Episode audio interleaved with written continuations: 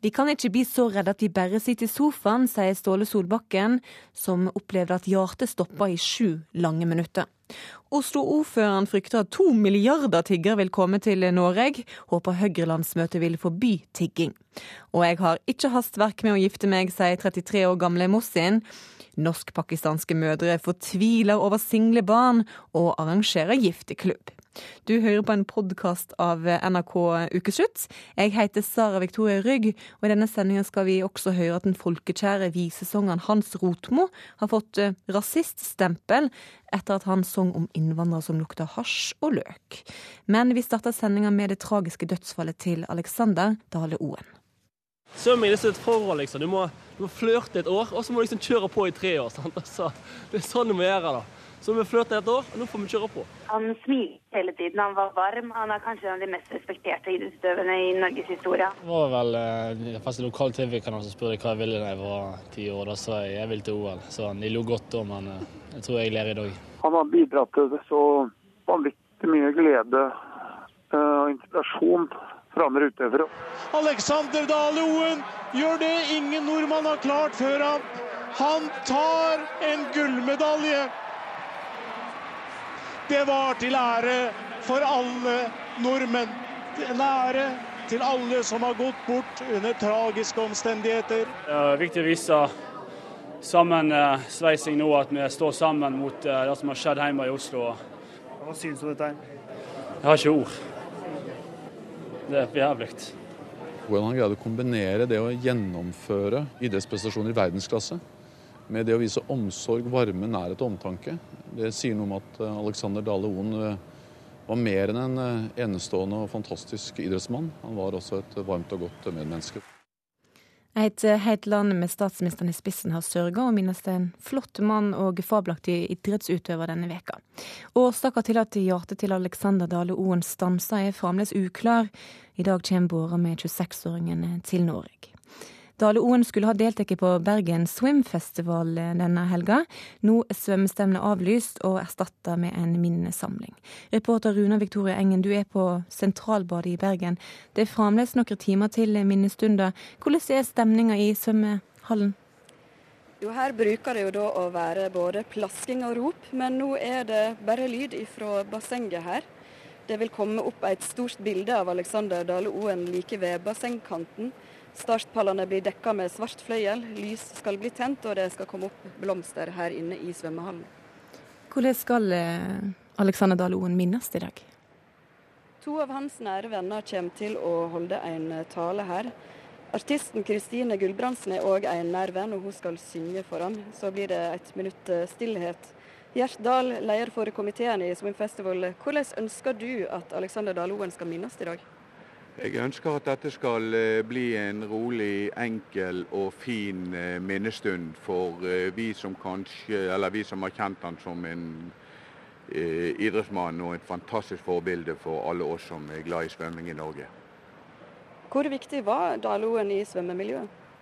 Daloen var vel den viktigste i svømmemiljøet. Han har hatt en eventyrlig evne til å dele sin kunnskap og sin erfaring. Han har aldri vært redd for å for å fortelle hva han gjør, som eh, har gjort at han kunne bli så god som han ble. Og han har jo vært et fantastisk menneske for alle oss som er glad i idrett. I dag skulle det være svømmestevne her. Han har vært ambassadør for Bergen Svømmefestival. Hvorfor valgte det å avlyse? Bergens Bergen Svømmefestival har vært eh, markedsført og profilert som Norges og kanskje Europas kuleste svømmestevne. Det har vært, eh, skal være og kommer til å bli et stevne fullt i fart og musikk og lys og show. Og I den forbindelse så er det umulig for oss å gå sammen tre dager til ende eh, når ikke Alexander kan være med, sånn som det var planlagt. Det er foreslått å kalle opp både en svømmehall her i Bergen og svømmefestivalen etter Dale-OL. Hva tenker du om det?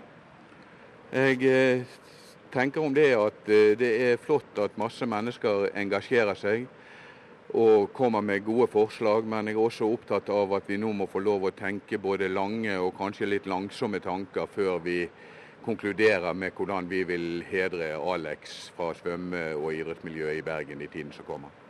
I dag blir det altså ei litt nedtona og stille markering for mannen som skulle ha vært her i hallen. Takk til deg, reporter Runa Victoria Engen. Hjertetesting av toppidrettsutøvere har blitt diskutert denne veka etter det tragiske dødsfallet. I Italia så har de innført obligatorisk hjertescreening av idrettsutøvere, og det har ført til at dødsfall pga. hjertestans har blitt redusert kraftig. Nå er det flere som mener at dette bør vurderes i Norge også. Tidligere landslagsspiller og trener for FC Køln, Ståle Solbakken. Fotballkarrieren din fikk en brå slutt da du falt om på en trening med FC København i mars 2001. Hjertet ditt stoppa i sju minutter før legene fikk det til å slå igjen. Hva var gale med hjertet ditt? Da lå jeg 14 dager på sykehus og, og eh, hadde alle mulige utredninger. Og til så var vel konklusjonen at, eh, at jeg har en liten eh, hevelse i det høyre, eh, høyre hjertekammeret. Eh, og hvis jeg hadde blitt grundig, grundig undersøkt før det her, så, så, tror jeg ikke det er 100% sikkert at, at, de hadde funnet ut hva som var feil, og om det var noe feil med meg. Mm. Men Hva hadde du gjort dersom du som ung fotballspiller hadde fått beskjed fra legen din om at det var noe som ikke var helt riktig med hjertet ditt, og kanskje det kunne føre til skade seinere? Ja, da, da, står det jo et dilemma. altså Hvor stor er sjansen? Eh, hva tenker eh, de nærmeste? Hva tenker omgivelsene? Hva tenker, eh, hva tenker du sjøl? Så, så det, det, er helt umulig å svare på. Det var lettere da du var 33 år, som jeg var, og hadde de beste De aller fleste av de beste åra, i hvert fall bak deg på, på fotballbanen. Karl Erik Torp, du er tidligere Brann-spiller. Du opplevde samme mareritt som Solbakken. Du fikk hjertestans på fotballbanen da Brann spilte mot Sogndal i fjor høst. Skulle du ønske at du hadde testa hjertet ditt eh, for å vite om det var noe gale med det? Det er selvfølgelig vanskelig å svare på, men eh, sånn i ettertid så, så er det jo naturlig å naturlig å kanskje si nei. Altså jeg, når, når, har, når, det gikk så bra som det gjorde med, gjorde med meg, så, så ser jeg er tilbake på en, på en, flott karriere med utrolig mye gleder og, og, og utfordringer. Så, så, mm, det er klart, hadde, hadde, det ikke gått så bra, så, så hadde jeg ikke svart på spørsmålet, for det første. Men da hadde det kanskje vært litt mer naturlig å tenke andre veien. Men Du mener at det er behov for grundigere hjertetester i Idretts-Norge. Hvorfor, hvorfor det? Det er mye man ikke kan se på, på mange tester, men, men samtidig så, så, tror jeg det er, er, ting man kan gjøre for preventive ting man kan gjøre som gjør at man kan fortsette å spille, men samtidig kanskje ta litt forhåndsregler. Man kan være bevisst på det, og kanskje det kan, kan også være med på, på ja, å øke, øke, tryggheten rundt de som kanskje er i risikosonen. Mm. I gjennomsnitt så dør to til tre unge idrettsutøvere under 35 år av eh, hjertestans i Norge hvert eneste år.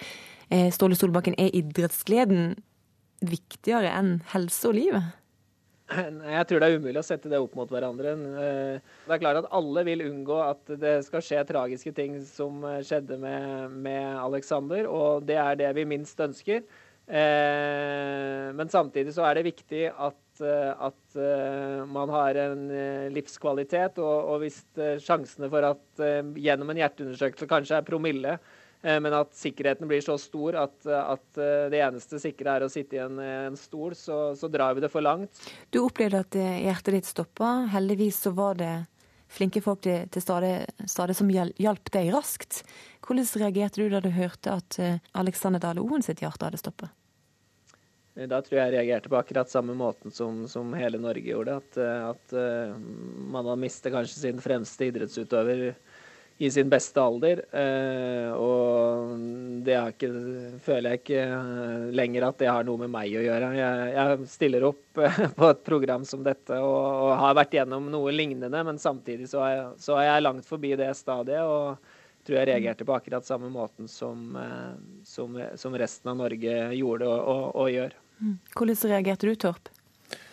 Jeg reagerte vel men på samme måten som Ståle, at, jeg, at jeg, man mister en fantastisk person. og Man, man, man er i sjokk, og det, det, er, det, er, tragisk. Men samtidig så klart, min, min hendelse er jo litt, i litt tettere tid, så det, så det er klart at jeg tenkte jo fælt på min situasjon og hvor, heldig, hvor vanvittig heldig jeg har vært. og det man får nesten en sånn, sånn, sånn urettferdig følelse over kroppen. liksom hvorfor, hvorfor gikk det bra med meg, og hvorfor liksom Tilfeldigheten tilfeldigheten i livet er, er, er, blir man gal av å tenke på. så det er det er jo uvirkelig at hjertet til en ung, sprek person bare stopper opp.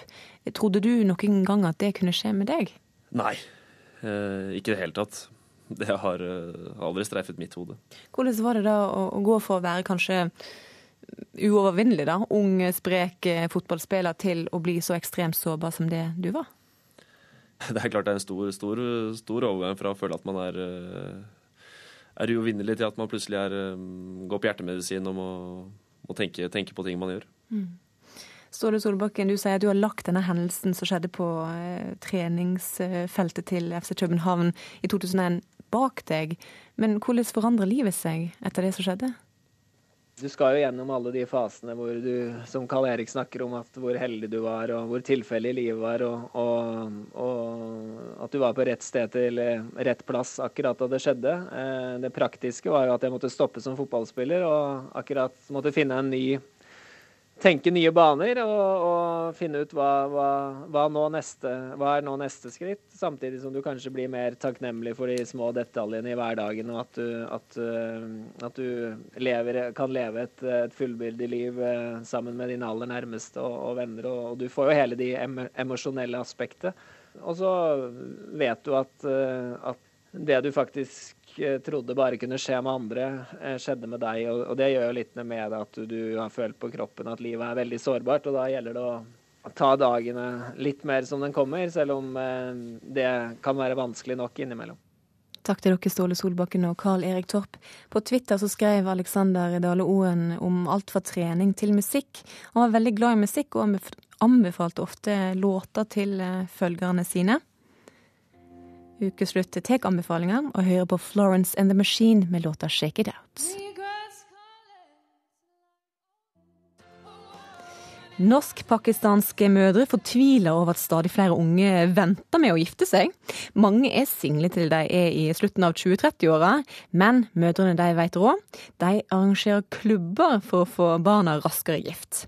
Ukeslutt sin eh, reporter Kari Li fikk være med på et møte. Inni et lokale på Grønland i Oslo sitter voksne kvinner rundt et stort bord. Det glitrer i sølvringer på de brune hendene til kvinnen som ønsker velkommen. Hun heter Saida og har starta gifteklubb. Vi var og sitter i moské sammen med moderne. Og så vi så det er mye problem med den. Barna finner ikke ekteskaper. Og uh, noen barna har gift i hjemmeland. Da var det ødeleggeri. Det var skyldmessig. Og grunn av det kulturforskjell, tankegangeforskjell, ikke sant. Og så nå alle foreldre er det enige barna skal gifte seg i Norge. Ingen av Saidas tre voksne barn er gift ennå. Derfor har mammaen danna gifteklubben Hamsafar. Life partner, det betyr er det den. Liv er en reise, ikke sant. Og så skal gå sammen med hele livet. Det blir Hamsafar, kaller vi Hamsafar er et av flere tiltak som har dukka opp for å spleise single norsk-pakistanere. For barna til innvandrerne fra Pakistan gjør ikke som mor og far. Stadig flere venter med å gifte seg.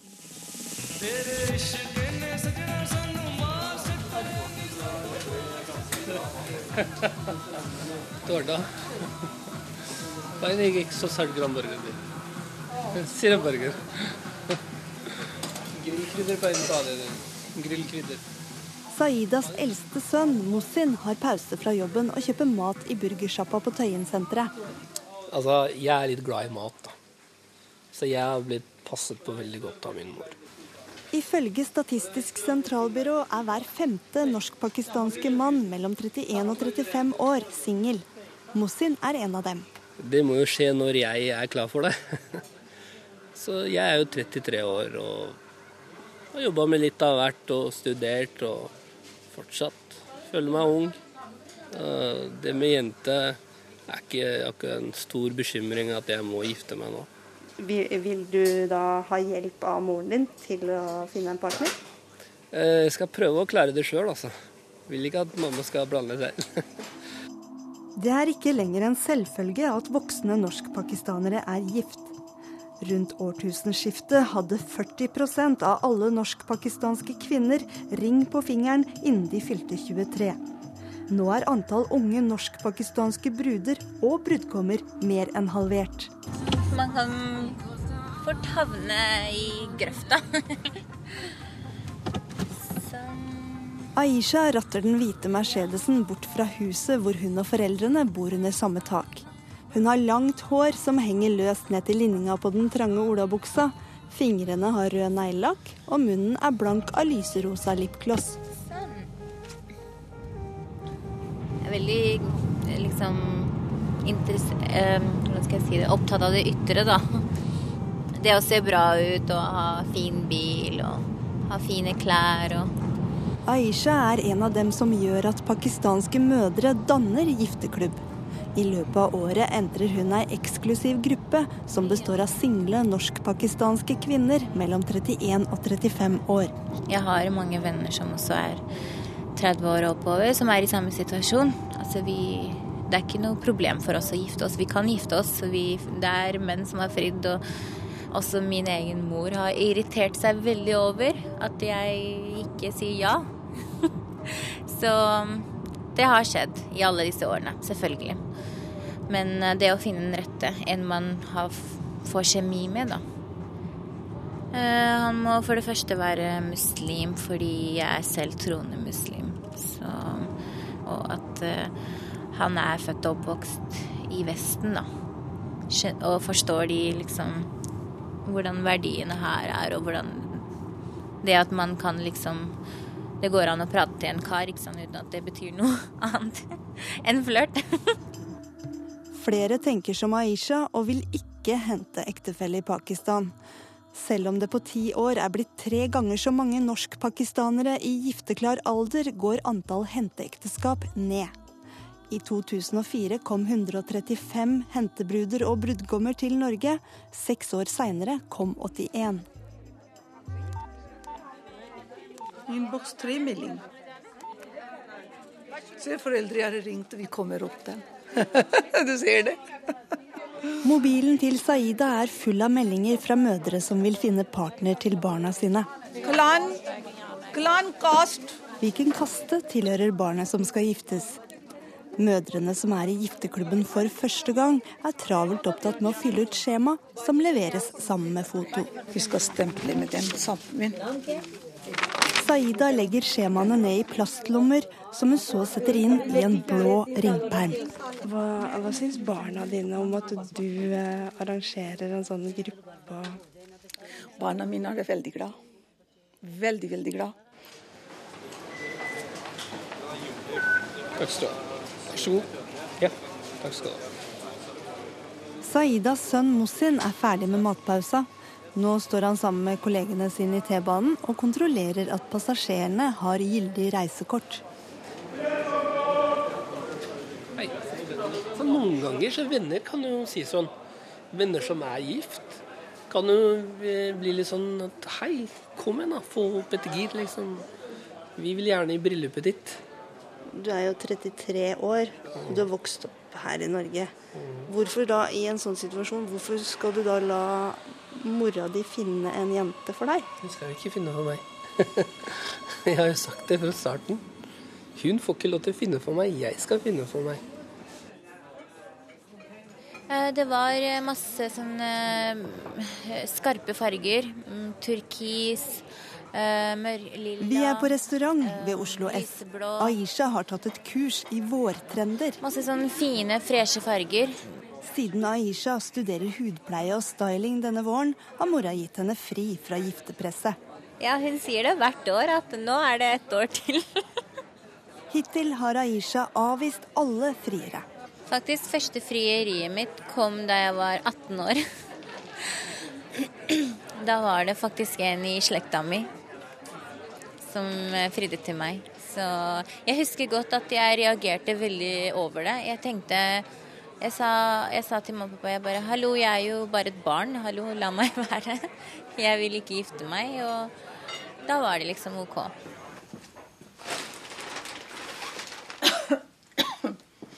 Den permen blir tung og tung nå. Saida har henta den blå ringpermen. Det blir ferdig. Det er forlovelse forrige uke. Han hadde den, også han hadde det. Det blir ferdig. Den.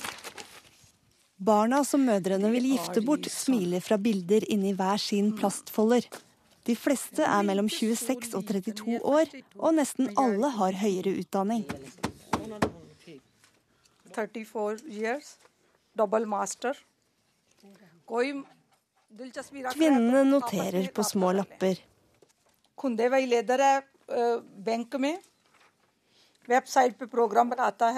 Men det er ikke gutten eller jentas telefonnummer de får.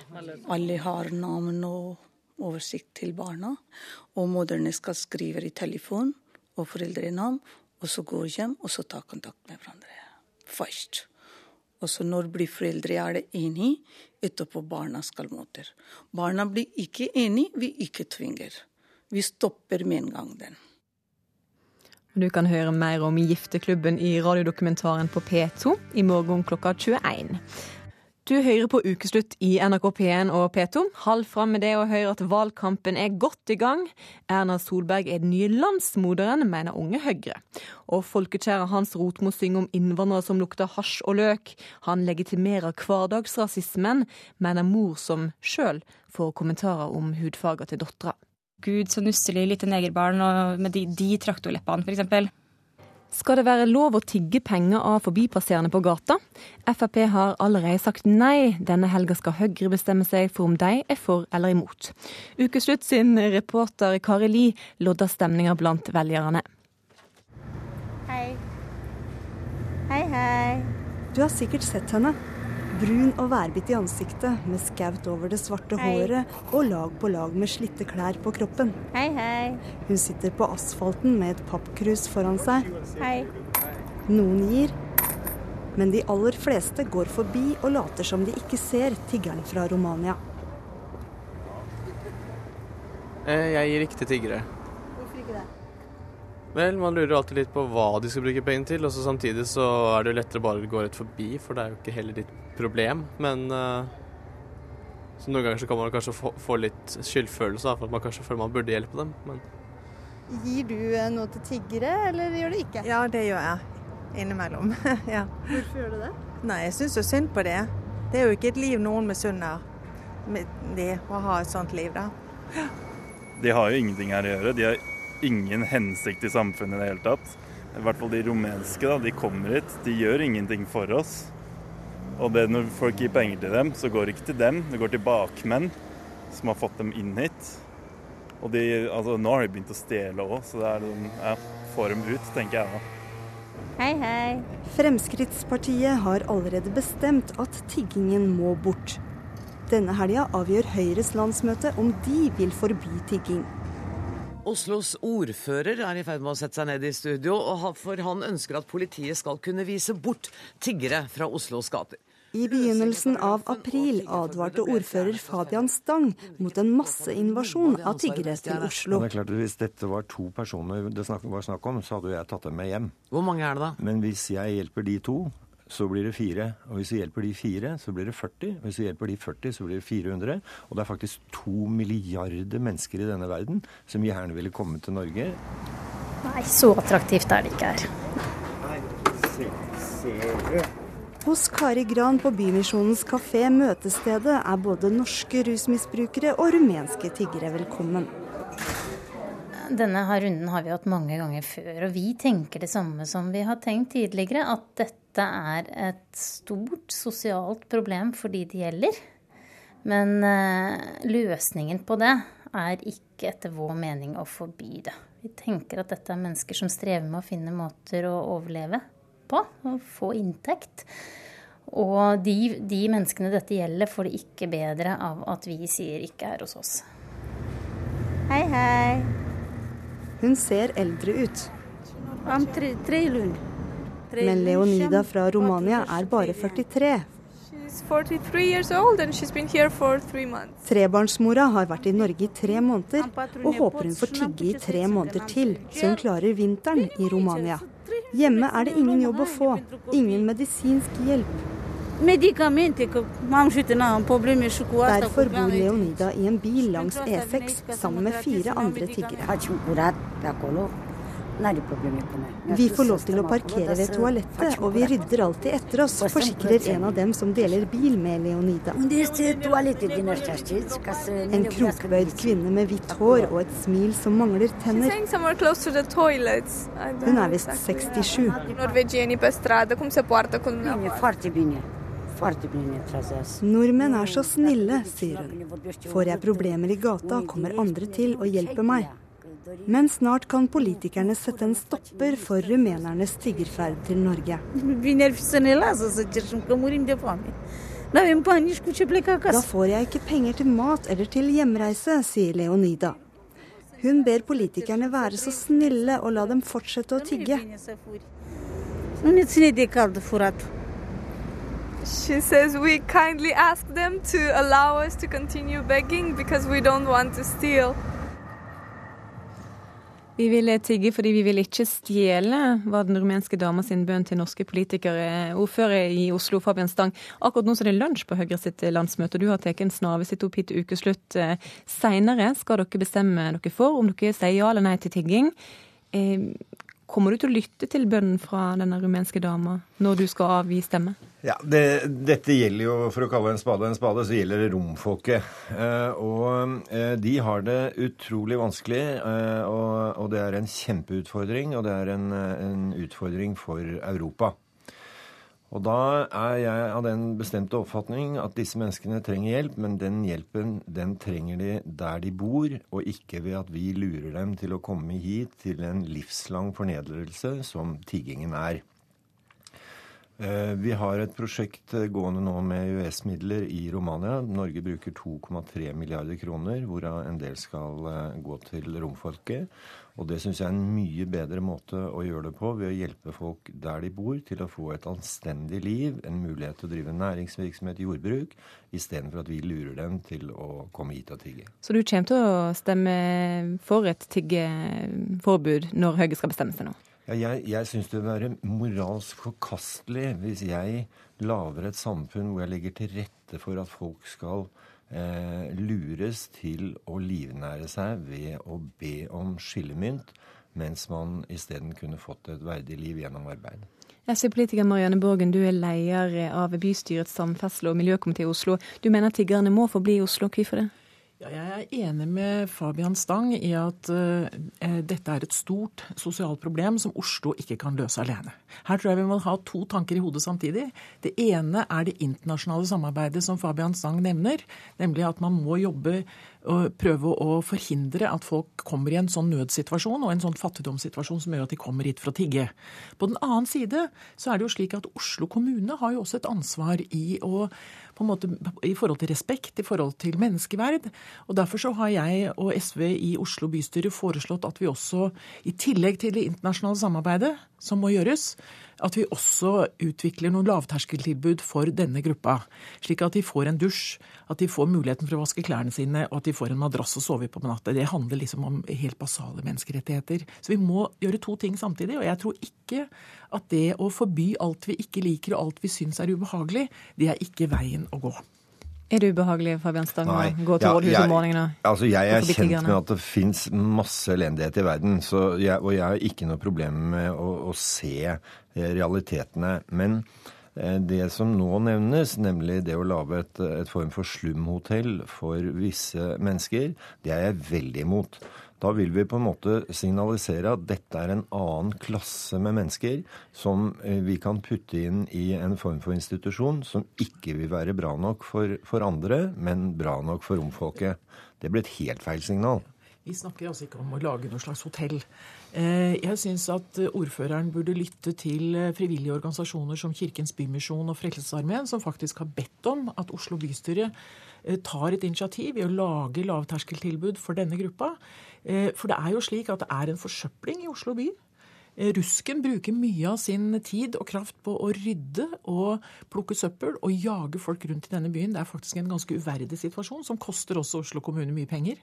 Så det å bruke de ressursene mer fornuftig, slik at man ivaretar en viss grad av menneskeverd og respekt, det måtte være den smarteste måten å gjøre det på. Og andre byer i Europa har jo gjort dette. Og det fører altså ikke til det er ingenting som tyder på at det vil føre til at vi får mange mange flere tiggere som kommer til Oslo av den grunn. Det er ingen erfaring på. Det er ingen som kommer hit bare for å få en dusj.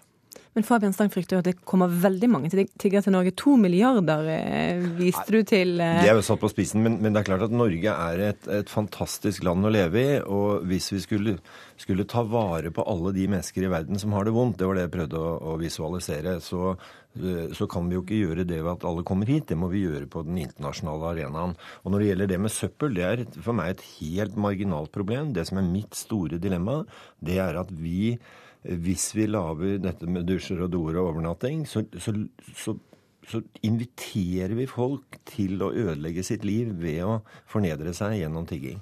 Marianne Borgen, Hvorfor tror ikke du at det kommer flere dersom vi legger til rette for det? Ja, fordi vi lytter til de erfaringer som andre land har gjort, og som ikke tyder på det. Eh, jeg mener at vi må ta, forholde oss til den virkeligheten som faktisk er i byen. Dette er mennesker som lever i en veldig uverdig situasjon i dag. Og Jeg har lyst til å utfordre Fabian Stang helt til slutt.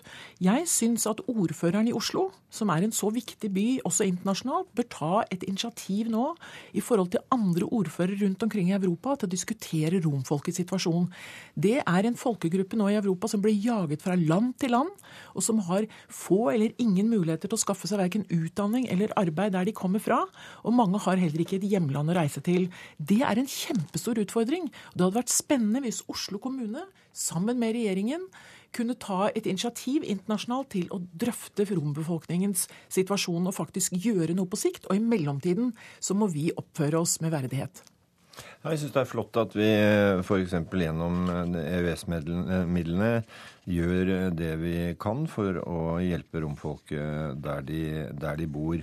Eh, men jeg er altså veldig uenig i at vi skal hjelpe de bakmennene som, som tjener på denne trafikken. Og Et eksempel på at det er eh, en god dokumentasjon på at det er bakmenn, er at før så tok disse også med seg barn.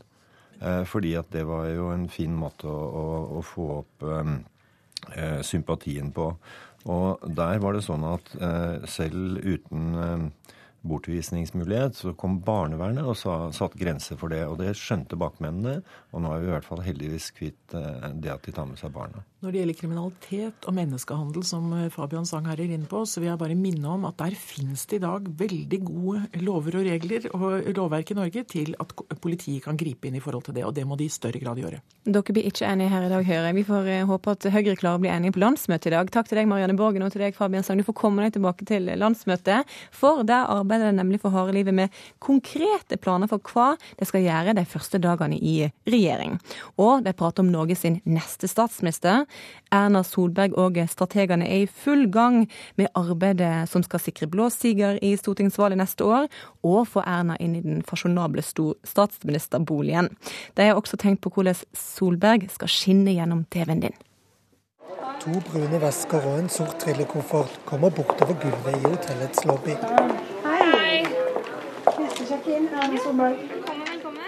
Solbergs prosjekt er å få nøkkelen til statsministerens kontor. Hun er i full gang. Først den lange valgkampen. Jeg trenger altså at du gjør meg våken, ikke det? Forsøksvis se våken ut. Solberg sminkes klar til TV-debatt torsdag. Det pudres sykehjemskøer, kjemmes litt handlingsregel og sprayes private løsninger. Hun må bare diskutere med eller uten jakke. Jeg jakke på? Det er litt mørkt, kanskje. Hva syns stylisten? Med, med? med eller uten? Kanskje med? Ja. Kan bli litt varm, men sikkert I blå jakke skal hun utstråle trygghet, ansvarlighet, at hun er flink og har kontroll. Hvem er det noe hun ligner på i møte med statsministeren?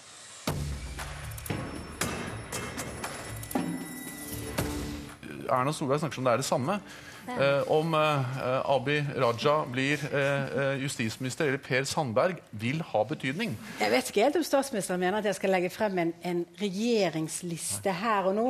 Det var jo det jeg nettopp ba om. Jeg så aldri noen posisjoner fordelt av de rød-grønne på forhånd. Jeg ba ikke om en regjeringsliste. Den er det jeg som skal legge fram. Men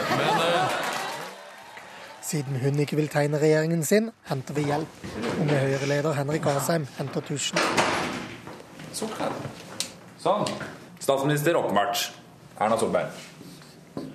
Eh, Legg merke til ordene. så hun er sjefen. Jeg tror hun blir en slags ny landsmoder. Altså Hun er en dame som eh, har stålkontroll, men som også viser varme. Eh, og Det tror jeg folk kommer til å legge veldig merke til både i valgkampen, men ikke minst som landets sjef. Så tror jeg hun kommer til å være en, både en dame du stoler på, som er en trygg leder for landet, men som også viser omsorg for de som eh, trenger det. Han nevner flere poster og navn. Clemet, Brende, Astrup, Sanner. Så jeg vil jo også gjerne ha Torbjørn Røe Isaksen inn. Og han bør jo da være arbeidsminister. Helt åpenbart. Det er det ingenting å lure på. Nei, vet du hva, det, jeg vil vinne valget og bytte regjering, jeg. Helseministeren tror jeg er ganske åpenbart. Det er Bent Høie. Ja, Det får du spørre Erna Solberg om, og først så skal vi ha et valg. Og så på samferdsel så vil jeg gjerne ha Monica Mæland. Jo, det er jo kult. Det, det viktige er jo at vi vinner valget i 2013. At eh, Erna danner regjering. Og så velger hun nok hun de beste til å sitte i den regjeringen. Jeg skal heie på den uansett. Og en joker til finans. Da skriver vi Ine. Vi prøver på Ine, vi. Vil du bli finansminister i regjeringen Solberg? Det et slags spørsmål? Nei, vet du, det er overhodet ingen formening om. Det er noe andre får vurdere. Det er noe Erna får vurdere. Det er det ingen andre som gjør, tror jeg. Kjære landsmøte. Lå jakke også under fredagens landsmøtetale. Høyre har det regjeringen er tom for, og det som Norge trenger mest av alt nye ideer og bedre løsninger. Jakken, tryggheten, ansvarligheten, kontrollen, ordene. En bedre alternativ, en fornuftigere alternativ, liegt mir nach Prüfung aller Möglichkeiten nicht vor. Høyre bygger Erna Solberg som en moderne landsmoder som skal vise vei, slik Angela Merkel har vært Europas kanskje mektigste gjennom krisen, ofte i blå jakke. Scheitert der Euro, dann scheitert Europa. og det darf nicht passieren. De utreder planer, rangerer målsettinger og går mer konkret til verks enn noen gang. Det betyr at vi jobber mye med å se hvordan i praksis går du fra de politiske ideene vi har, til faktisk å gjennomføre de. Er det lovendringer? Er det, er det på en måte budsjettbevilgninger? Eh, altså Hvilke strategiske grep, og hvor raskt kan du gå gjennom det? Det har vi ganske gjennomgående arbeid på mange sektorer. Ja, prosjektet er i gang. Ja, altså Prosjektet Høyre i regjering er i gang, eh, og et borgerlig regjering. Eh, Og siden Høyre både er størst og har veldig lyst på å få statsministeren, så er det klart at der jobber vi med det òg. Hvis jeg sier Angela Merkel, så sier du? Jeg syns jo at hun er en dyktig dame. Hun er et forbilde? Ja, hun er jo et forbilde. Selvfølgelig en dame å beundre. Reporter på Høyre sitt landsmøte var Lars Nehru Sand. Etter mange dager med fri var rettssaker mot Anders Behring Breivik i gang igjen torsdag denne veka. Med grusomme vitneforklaringer fra når terroristen gikk i land på Utøya og skjøt de første skuddene. Utøya-overlevende Torunn Kanutte Husvik og Emma Martinovic tykker veka har vært tøff, medan Erik Sønsteli, pappaen til en av de som også overlevde, er glad dattera i utlandet og får en pause fra rettssaka. Her får du deres lyddagbokinnslag.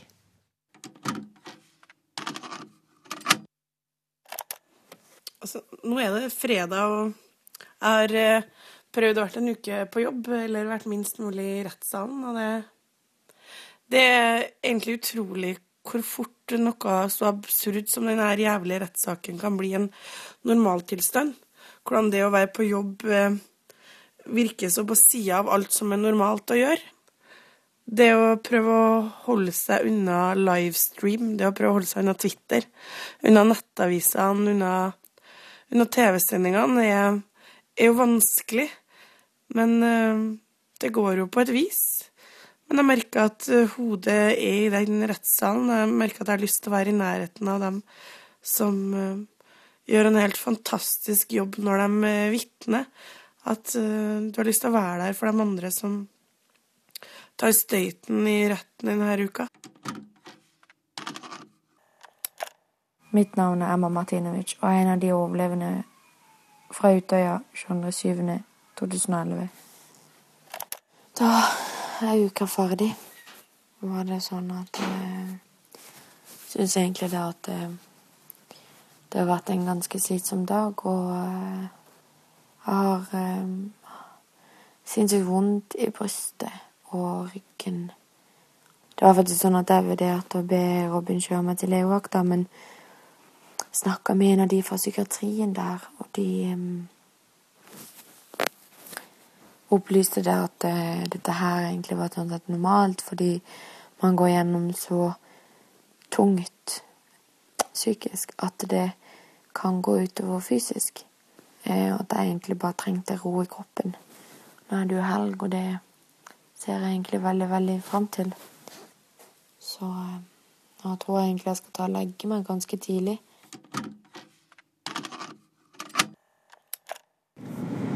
Det er fredag kveld. Jeg er på vei hjem i bil etter en lang dag. Og jeg har vært innom retten i dag også. Jeg ville gjerne høre, for jeg ville se hvordan det var når eh, man skulle presentere obduksjonsrapporten på rekke og rad i eh, rettssakens kliniske og nøytrale språk. På vei ut av rettssalen så traff jeg flere av eh, de etterlatte. En av dem var en mamma jeg er blitt kjent med. Og jeg spurte henne hvordan det var, og hun sa det var tungt, det var godt, og det var riktig. Og hvorfor var det det? Jo, fordi det var et bilde og et minneord som fulgte med. Og vi hadde en god prat, denne mammaen og meg. Fordi jeg følte at vi har et slags skjebnefellesskap. Vi opplevde noe som var veldig, veldig dramatisk for oss begge. Men det er én stor forskjell. At nå når jeg kommer hjem denne fredagskvelden, så kan jeg ringe min datter Siri og høre hvordan det har gått med eksamenslesingen i dag. Det kan ikke den mammaen gjøre. Så derfor, så når jeg ringer Siri i kveld, så går tankene mine både til henne og til alle andre etterlatte som skal gjennom den tøffe uka eh, som kommer. Den folkekjære visesangeren Hans Rotmo har bytta ut lystige billåter og vømmøle spellemannslag med helt nye toner. Rasistiske, mener mange. Med den eh, nye låta 'Vi fra andre' synger Rotmo om innvandrere som går på Nav og lukter hasj og løk. Reporter Linn eh, Beate Gabrielsen dro til Son, der Rotmo fikk inspirasjon til ny tekst til 'Vi er en nasjon, vi med'. Vi er en nasjon, vi det. Plutselig hører jeg vi er en nasjon Det høres jo litt sånn unorsk ut, måten å si det på. Vi er en nasjon, vi vet. Vi fra andre stater Og vi er ikke på besøk. Nei, vi kommer for å bli. Selv om vi lukter hasj og og prater rart. Vi prater. For de gjør jo det. Og så kommer det, og dette som er omskjæring, det er de også begeistra for. Vi kutter oss litt i snopper og fitter eh, på gutter og jenter nykonvertitter. Omskjæring er vår kultur, og vi har mer på lur av bra ting. Sant? Så de er jo, dette er jo en, en begeistringssang. Uh, I måkeskrik og sjøluft i den hvitmalte Oslofjord-idyllen Son dukket altså teksten til Vi fra andre opp. En tekst som Antirasistisk Senter kaller hatefull, mens venstreleder Trine Skei Grande har sagt at rasistene trenger vel også sin visesanger. Vi har et problem, og det er det jeg sier. Innvandringen skaper spenninger. Det er faktisk de fleste. Jeg takker meg for at jeg har eh, sagt noe som de har ikke tort å si. Nemlig at de er litt skeptiske på dette, dette med innvandringen blir så mange, og, og, de har så mange andre forskjellige eh, tradisjoner. Og dette er ikke konvertibelt med vår måte å leve på. Ytringsfriheten f.eks. Og, og det, problemet er jo at det er for mange. Vi klarer godt å ta imot en god del, men hvordan blir det i Oslo, da? Anna Lian har en adoptert datter fra Etiopia, og opplever mye av hverdagsrasismen her i landet. På bloggen Breddefotballfrue har hun skrevet ut sin skuffelse over den gamle helten Hans Rotmo. Jeg reagerer kanskje på at en, en person som uh, Hans Rotmo er med å legitimere holdninger som jeg eh, ja, syns er med å forsterke både fordommer og, og skepsis og, og, og fremmedfrykt. Det var litt sånn at nesten hver linje overraska meg i sånn sjokk og, sjokk og vantro. Jeg drar fram alle de klassiske fordommene om at de, de går på Nav, og de er blakk, og de skal, ha, skal starte revolusjon, og, og, det er veldig sånn oss og dem, da. Hvordan opplever du og din familie denne hverdagsrasismen? Du får jo de her velmenende, søte damene da, på rundt 50 som uh, går forbi og sånn 'Å, gud, så nusselig lite negerbarn', og med de, de traktorleppene, f.eks. Og så vet du ikke helt hvordan du skal reagere heller, for du har med deg en, en fireåring som, som, jeg vil gjerne beskytte så lenge som mulig. Så jeg overhører jo og overser 99% av de kommentarene vi får. Men, men akkurat det her innlegget til Rotmo, nå går jo ikke det på akkurat det samme, for det går jo mer på en innvandrergruppe, men det, men det berører oss alle. fordi det har noe med hvordan du ser på medmenneskene dine, og det, nå må jeg si fra. Her har jeg skrivestua mi. Så her er den gamle vømmelfela. Den har jeg jo levd med siden 1971, tror jeg. Ifølge professor i offentlig rett Henning Jakhellen så er Rotmo innenfor det loven tillater av ytringer. Og i mellomtida fyker plata Norge oppover nedlastingslistene. Så det er ille å bli kalt rasist? Altså Det Ja, det er jo egentlig ganske ille, det, da. Også, Føler du deg som en rasist? Nei, jeg gjør ikke det, altså. For jeg har, jeg har liksom Jeg kommer godt ut av det med folk, egentlig. Det måtte blitt et litt sånn meningstyranni, og det er ikke veien å gå. Så. Vi må tørre å være litt spøkefulle med hverandre, men på en godmodig måte, da. Og det mener jeg har gjort. Denne podkasten av Ukeslutt er over. Ansvarlig for sendinga var Ida Tune Øretsland. Finn Lie han styrte teknikken, og jeg heter Sara Victoria Rygg.